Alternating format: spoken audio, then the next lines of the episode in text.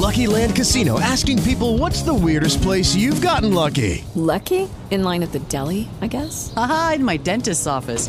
More than once, actually. Do I have to say? Yes, you do. In the car before my kids' PTA meeting. Really? Yes. Excuse me, what's the weirdest place you've gotten lucky? I never win and tell. Well, there you have it. You can get lucky anywhere playing at LuckyLandSlots.com. Play for free right now. Are you feeling lucky? No purchase necessary. Void where prohibited by law. 18 plus. Terms and conditions apply. See website for details. With Lucky Land slots, you can get lucky just about anywhere. Dearly beloved, we are gathered here today to. Has anyone seen the bride and groom? Sorry, sorry, we're here. We were getting lucky in the limo and we lost track of time. No, Lucky Land Casino, with cash prizes that add up quicker than a guest registry. In that case, I pronounce you lucky. Play for free at LuckyLandSlots.com. Daily bonuses are waiting. No purchase necessary. Void where prohibited by law. 18 plus. Terms and conditions apply. See website for details.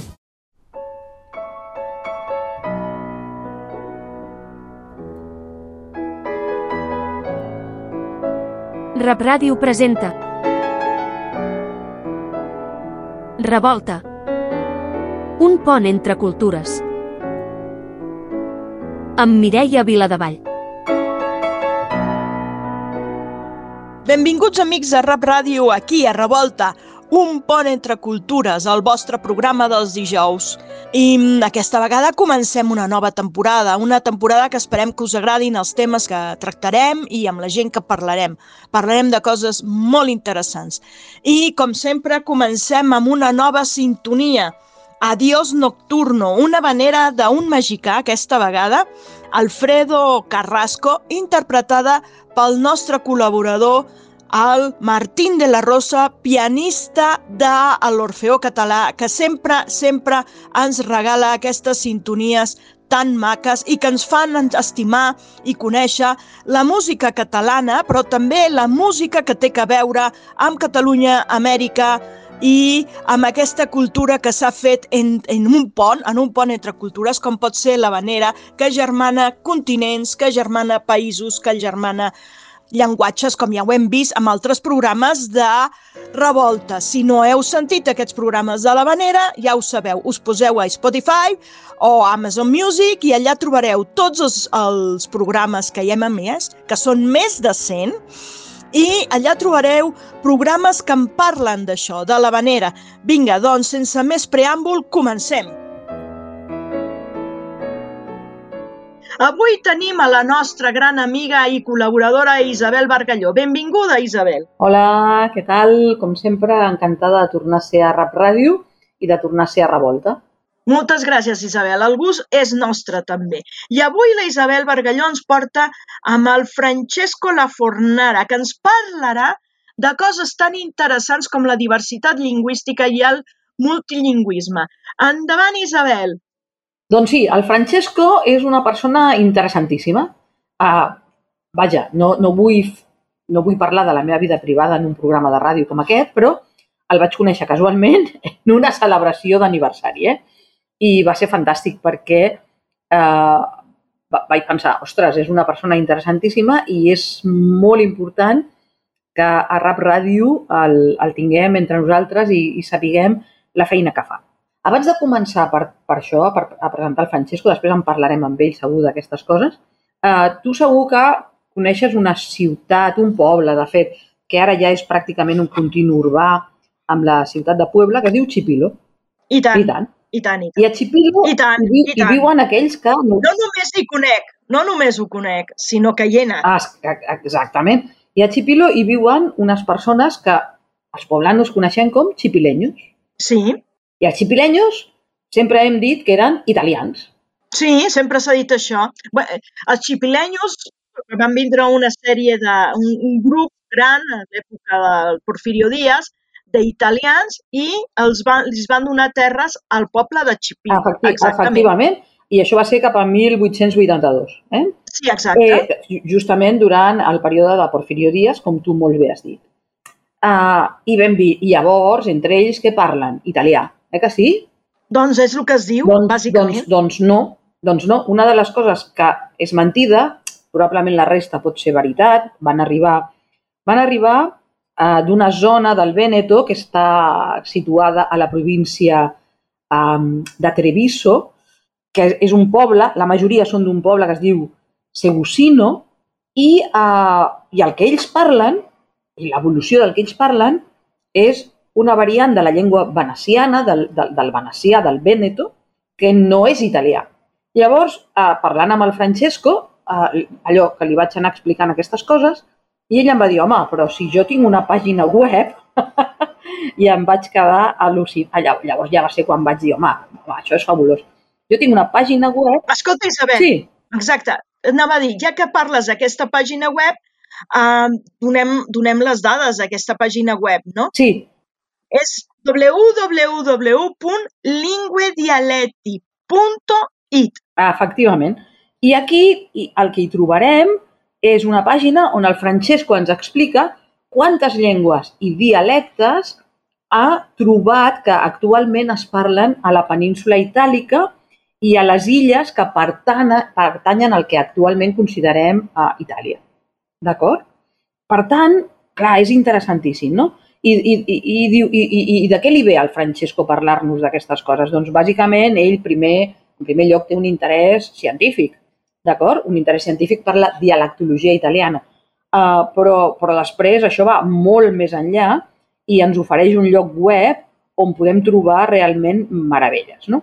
Llavors jo li vaig parlar de Chipilo, però ell em va parlar de moltíssimes altres coses. Uh, llavors a mi el que m'agradaria és donar-li la veu i que ens expliqués exactament um, de què va la seva pàgina web, què hi podem trobar i quines són aquelles coses que, que són realment curioses uh, que podríem trobar, no? no només a Mèxic, ja, ja hem vist que a Mèxic el que trobem és un poble on no és que es parli italià, és que es parla Veneto, no? que es parla venecià, o, per exemple, que ens aclareixi que el padrino, no? el Vito Corleone, no parlava italià. O, o sí parlava italià, Francesco. Et passo, et passo la paraula. Hola, molt bona tarda. I moltes gràcies per convidar-me. Estic molt content de formar part d'aquest programa. Eh, us agraeixo molt. I, bueno, bàsicament, eh, el tema de la web és eh, eh, fruit de doncs, tota una feina que venia fent de fa, de fa bastant. Eh, a mi tot el tema de les llengües en general eh, bueno, m'interessa moltíssim, ha sigut sempre part de la meva vida i en general doncs, els últims anys em vaig involucrar cada cop més amb el tema de les, de les llengües que es parlen al territori italià, que no, que no són dialectes, com moltes vegades li, li diuen al meu país, eh, sinó que eh, són efectivament llengües regionals, com podria ser perfectament això, el català, el, el basc o el galicià i altres llengües regionals d'Europa, com l'occità i altres. I, llavors, eh, bàsicament, al principi, com, com deies, era un interès més, més que res científic, d'estudi acadèmic, però al final em vaig quedar una mica curt d'això i volia profunditzar una mica més el tema d'estudiar aquestes llengües per aprendre a parlar-les realment. I em vaig uh, apropar cada cop més a la, una de les llengües regionals que, que es parlen a la meva família. Mon pare és al sud de la Pulla, de la zona de la província de Tarant, bàsicament, i allà es parla una variant de la llengua napolitana, que hi ha tota aquesta confusió, llavors és llengua de Nàpols, eh, i llavors les altres són variants diferents. No, realment, o sigui, és la llengua napolitana se li diu així perquè és part de l'antic regne de Nàpols i llavors té cinc macrodialectes, hi ha el pollès, que és el que parlo jo, eh, el napolità, que és eh, de la zona de la Campània, o Campà, podríem dir-li també, i el Brussès, el Molisà i tantes altres variants. Llavors, mm, principalment em vaig començar a apropar a les llengües de la parla, de, que es parlen a la família, però després l'interès doncs, va ser cada cop més, més fort cap a la resta. El patrimoni realment que tenim a Itàlia és impressionant, eh, una varietat lingüística eh, realment enorme, eh, comparable a la varietat lingüística que, ten, que hi ha um, al Caucas o a l'Índia, realment. A Europa és un exemple bastant curiós. I, efectivament, doncs, si, eh, si anem a mirar, realment les variants són moltíssimes i d'entre aquestes, eh, les variants que es parlen a Itàlia al nord, hi ha la llengua vèneta. I efectivament, aquí entrem al tema de, de, del Venet Chipileño, que també és un exemple d'aquests. Quan parlem de eh, la, prim, la primera, la segona onada de migracions eh, des d'Itàlia cap a les Amèriques, en general, eh, les persones no eren realment italoparlants, o sigui, eren, eren persones que parlaven una, una d'aquestes llengües regionals, perquè al final es va difondre la llengua italiana realment a partir dels anys 60, sobretot, a partir dels anys 50-60 amb la tele i amb, i amb la ràdio, realment, perquè fins abans doncs, les persones, la generació parlen, per, per exemple, dels meus avis, les persones nascudes llavors als anys 20-30, doncs aquesta gent eh, realment eh, era nativa d'una llengua regional i no nativa italiana, a no ser que fos de la Toscana, realment, eh, o de les altres zones centrals. Però si una persona, per exemple, com el meu avi, doncs, i els meus avis del sud, doncs ells van aprendre italià a l'escola, realment no, no parlaven italià a casa. I el mateix passa amb la part de ma mare. Mm, doncs eh, per part de ma mare sí que el meu avi era florentí, llavors parlava italià, amb, bueno, i dialecte toscà, que és, té uns elements una mica diferents, però principalment doncs, la, la part de ma àvia, eh, mare de ma mare, ella venia de prop de la zona de San Marino i allà es parla una variant de romanyol, podríem dir-li. Llavors és una altra llengua encara. I la varietat lingüística realment és enorme perquè si anem a analitzar eh, són moltíssimes variants. Eh, hi ha tant llengües regionals, eh, llengües regionals com a llengües que li diuen al·loglotes, que són bàsicament illes lingüístiques que eh, pertanyen a, a llengües d'altres països, com per exemple passa amb el català a l'Alguer. Llavors, des d'aquest punt de vista, moltes vegades eh, no hi ha consciència de que les, mm, les emigracions eh, realment no parlaven italià, la, tot i que els migrants, per exemple, tant, quan anaven a dir als registres i tal, doncs, que, que, quina llengua parleu? I deien italià, tot i que italià no era. Una cosa molt curiosa, per exemple, sempre parlant de la llengua veneta, és el, el sud de, a, de Brasil, a la zona de Rio Grande do Sul, per exemple, hi ha tot l'exemple de eh, els parlants de talian, que seria bàsicament una altra variant de la llengua veneta, li deien talian, tot i que italià no era. És una, una variant de la llengua veneta aquí també. I bàsicament això és una cosa molt curiosa des d'aquest punt de vista reconèixer que efectivament eh, hi ha una herència lingüística mm, tan gran que podem reconèixer efectivament no només a Itàlia, sinó també eh, a, molt, a molts llocs del món, realment. A Brasil no només la llengua veneta eh, és present, és present el napolità, eh, de fet, o sigui, hi ha més parlants de napolità al Brasil que pas a, a Itàlia, si anem a mirar realment, eh, a Sao Paulo i a bueno, moltes altres ciutats. I, i doncs, des d'aquest punt de vista, clar, a veure, mmm, i després d'interessar-me totes aquestes coses a nivell científic, havia començat a entendre que volia aprendre aquestes llengües, eh, més que això, només, no només les llengües de família, em vaig posar a estudiar occità, eh, em vaig posar a estudiar una mica el sard, eh, tot i que no, realment no el parli encara, però sí, bueno, eh, al final és una de les llengües que m'interessen molt, totes, realment, i llavors, en el temps, vaig anar acumulant recursos per realment estudiar aquestes llengües. I d'aquí ve el projecte de la web. Bàsicament, doncs, vaig anar recol·lectant a través de recerca que feia uh, per, per Google, per, per altres plataformes, a través sobretot de web.archive.org, que és una web que bàsicament recol·lecta antigues versions de pàgines web i, i aquí doncs, unes quantes eh, uns quants recursos vaig anar recuperant. Hi ha més de 600 eh, enllaços eh, ja a, a la web que vaig construir per estudiar aquestes llengües.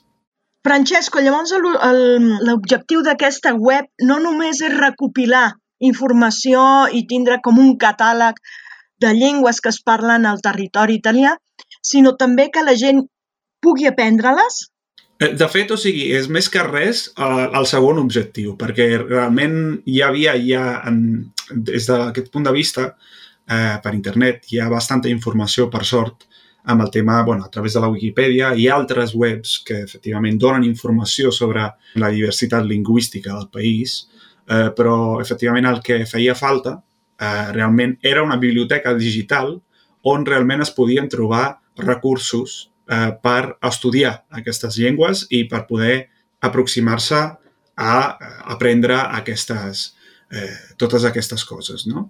Realment jo notava que faltava, mm, no, notava que faltava també una mica de sinergia, que és un problema realment que li passa a moltes llengües minoritàries. Quan, Sí, clar. quan són grups petits, moltes vegades no, no entenen que um, uh, el, els problemes realment de les llengües minoritàries són els mateixos per tothom. Eh, Exacte.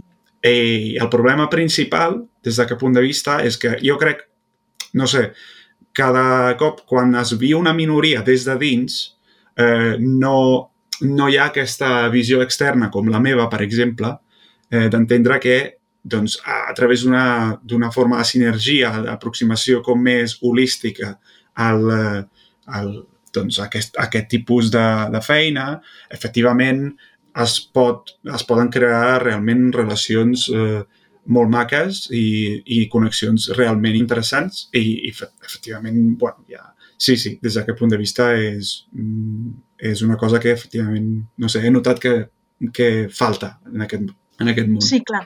És clar. Endavant, Isabel, vols preguntar alguna cosa? Uh, sí. Uh, més que preguntar, volia, volia afegir una cosa a això que el Francesco ens està explicant. Uh, quan fa la presentació de la web, de la pàgina web, ens diu potser, potser no totes les fonts seran el, el, el millor mitjà per poder, per poder aprendre. Eh? Potser alguna font no serà excessivament uh, uh, efectiva, no?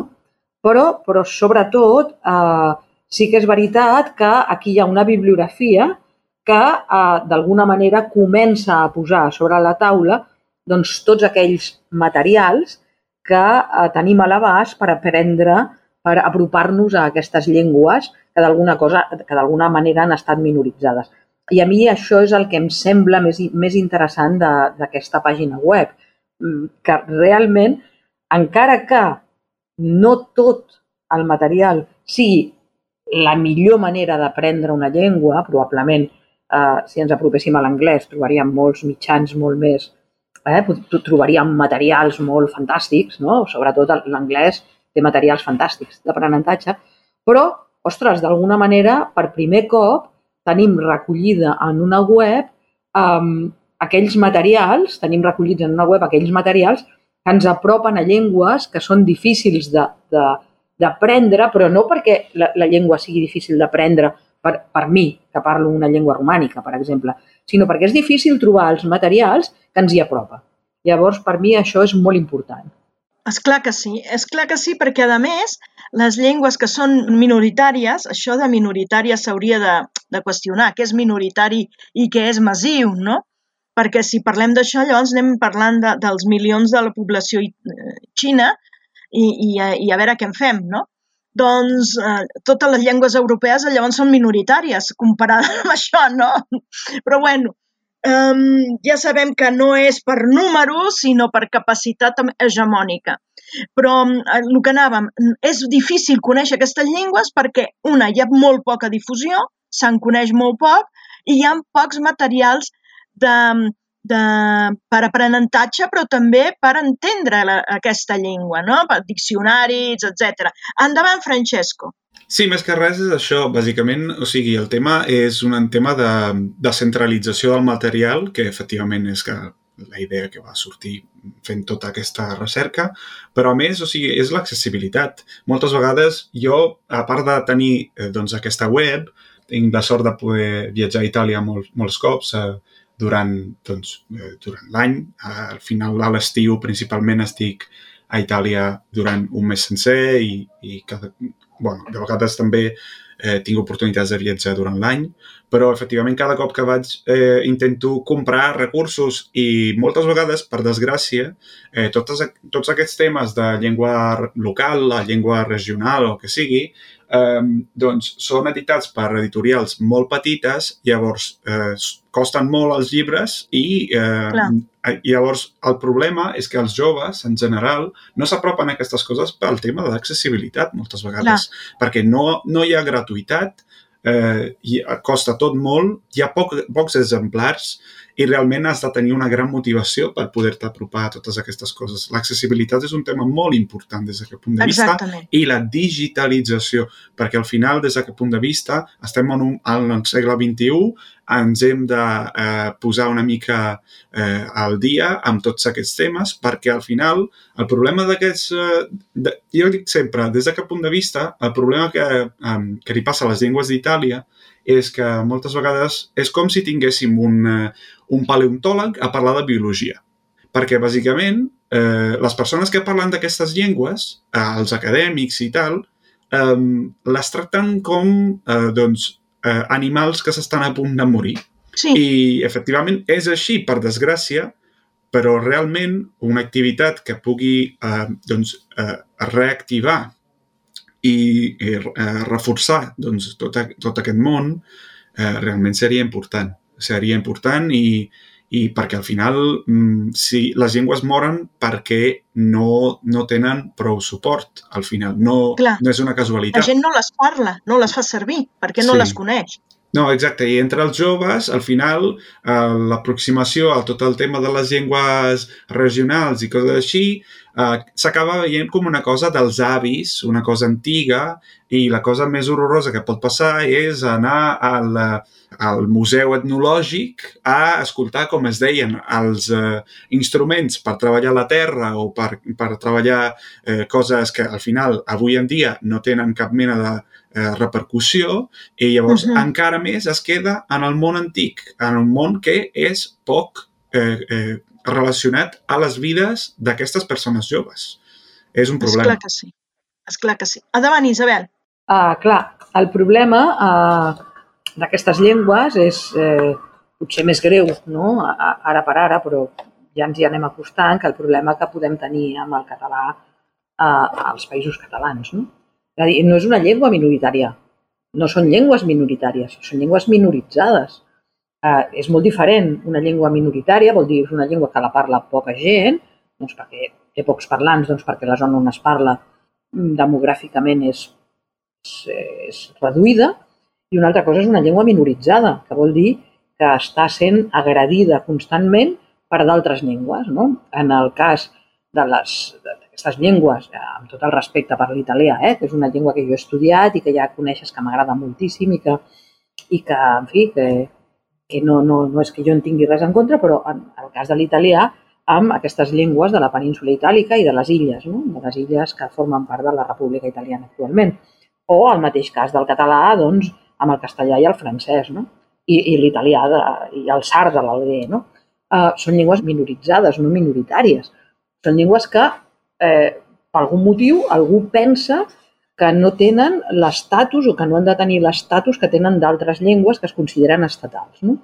I, per tant, els recursos per continuar parlant aquestes llengües i per continuar transmetent-les són molt petits. I, clar, el Francesco el que està fent és eh, posar un gra de sorra per evitar això, no? per, per, per, perquè com a mínim tinguin algun, alguns um, recursos, hi hagi alguns recursos i hi hagi recursos a la xarxa perquè es puguin aprendre. És, és, és un problema que a Mèxic saps tu que pateixen perfectament totes les llengües ameríndies, de, de, de, de les quals dissortadament moltes ja han desaparegut, però que pateixen les llengües ameríndies que encara es parlen, no? totes les variants del maia, el nàhuatl, el zapoteca, etc etc etc. no? Per tant, més que minoritàries, són minoritzades. No? I aquest és el problema d'aquestes llengües, no que, no que les parli poca gent, sinó que hi hagi una altra llengua que es consideri superior en rang, no? en, en, en jerarquia, a aquestes llengües. Sí, això són els pecats de la instauració dels estats-nacions on homogenitzen la llengua, la llei i els governants. Hi ha una homogeneïtat per crear un estat-nació que invisibilitza la diversitat que hi ha allà dintre. I ho veiem tant a França com a Espanya, com a Mèxic i fins i tot a, a Itàlia, no? quan l'italià es converteix, o el castellà o el francès, es converteixen en les llengües oficials. Llavors invisibilitzen tota la diversitat i la riquesa cultural i lingüística que hi ha en aquell territori perquè volen unificar, no? Però bé, ja ha plogut des de la idea dels estats-nacions. Els estats-nacions avui en dia jo sóc de la idea que estan en crisi i crec que s'obre una finestra d'oportunitat per repensar i i impulsar tota aquesta diversitat que com a éssers humans ens fa encara més, més, més humans, no? perquè la diversitat ens fa créixer com a sers humans. Aprenem noves coses, noves maneres d'estar, ser i pensar al món. Això són les llengües. Francesco, endavant! Sí, anava a dir que bàsicament el problema realment també que respecte, per exemple, al català o altres llengües regionals que són reconegudes, eh, a Itàlia la majoria d'aquestes llengües no estan reconegudes per l'Estat.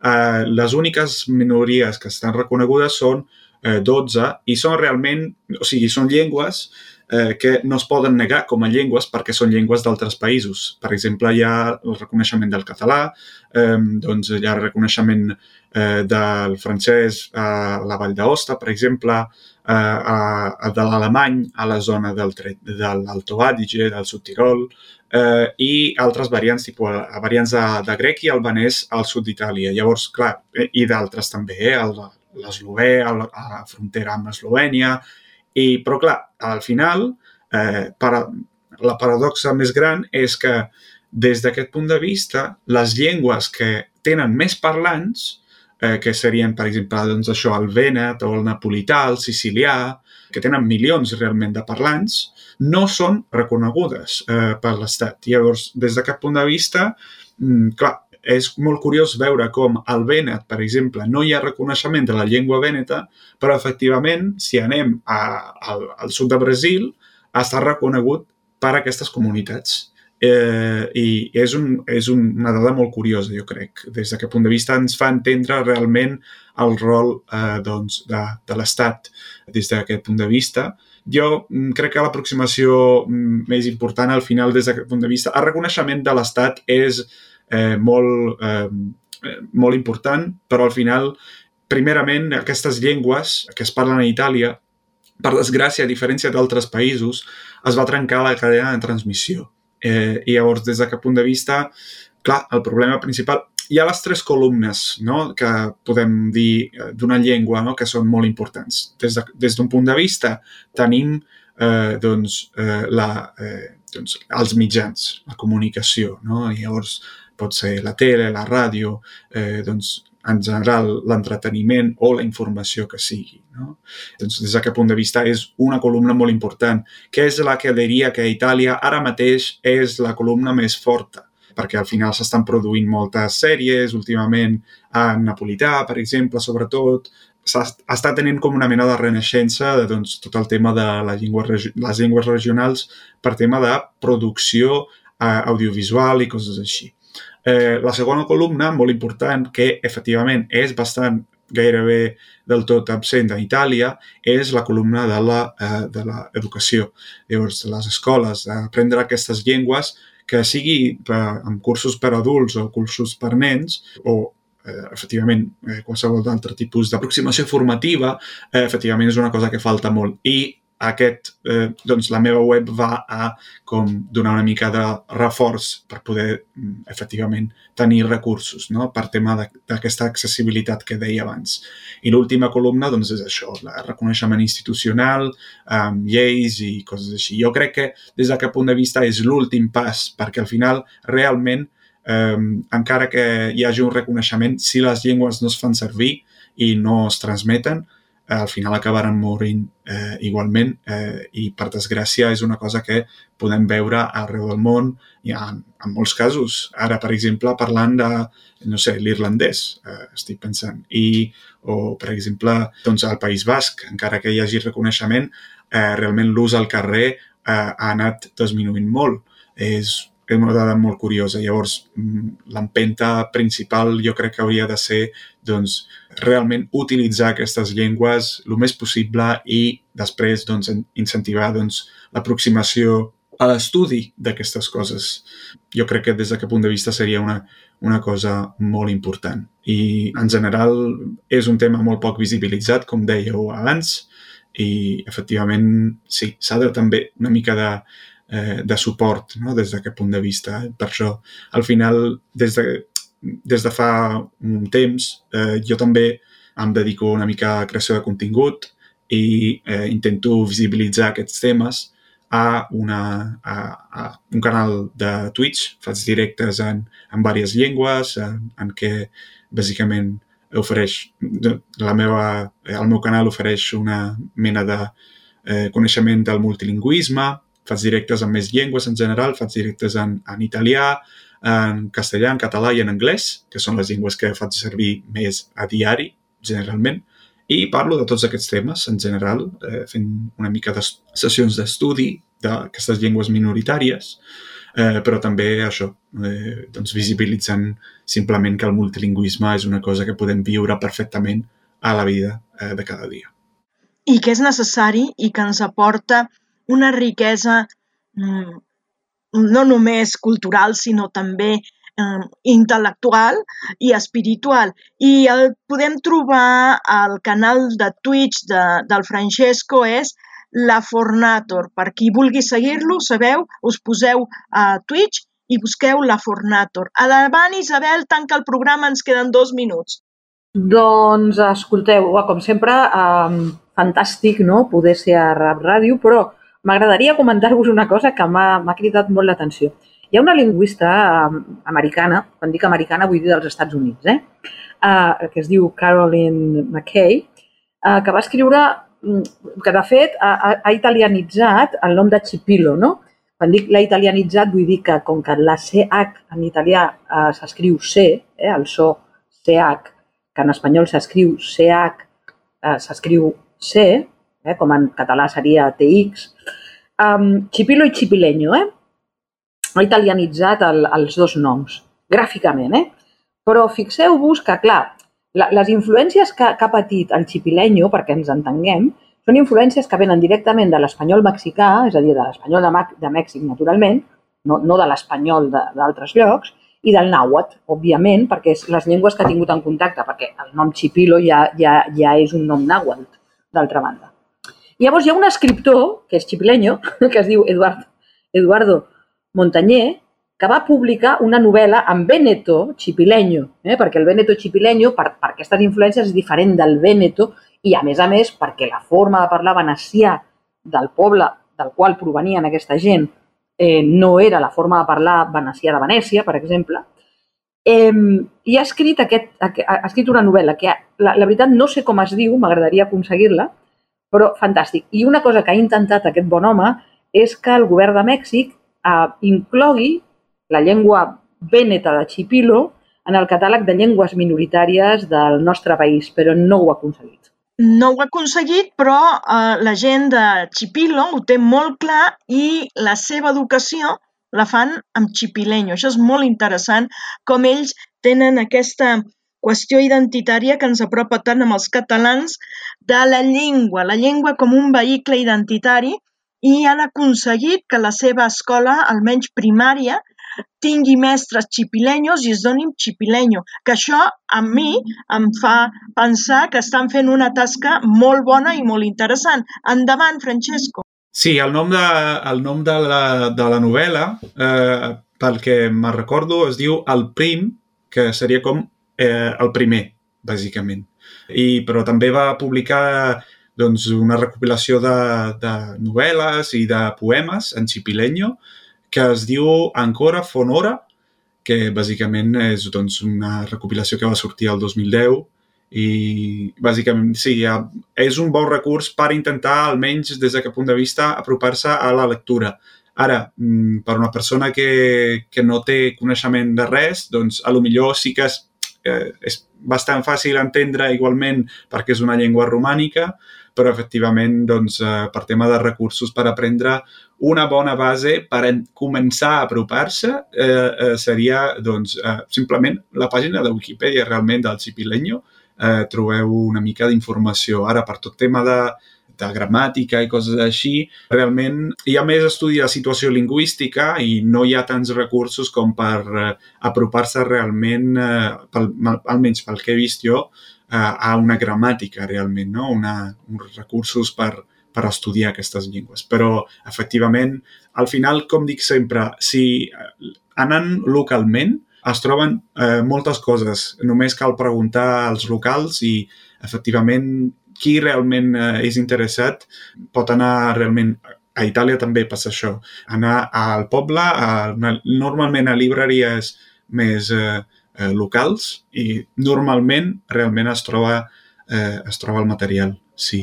I totes aquestes coses al final les persones que realment tenen molta, doncs, molt de carinyo a, totes, a tots aquests temes és perquè realment les, se les estimen i, i encara doncs, eh, fan doncs, la seva feina de, de conservació perquè realment és la llengua del cor i no de, de, del cap.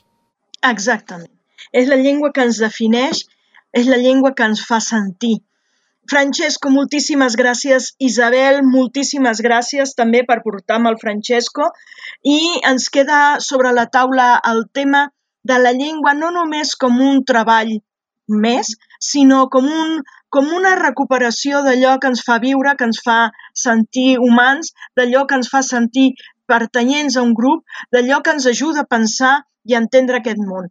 I la necessitat de no només conservar, sinó potenciar aquestes llengües que oficialment han sigut mm, no oficials, han sigut minoritzades, han sigut invisibilitzades i que gràcies a treballs com el Francesco podem conèixer, almenys, i fins i tot podem estudiar. I recordeu, la pàgina del Francesco és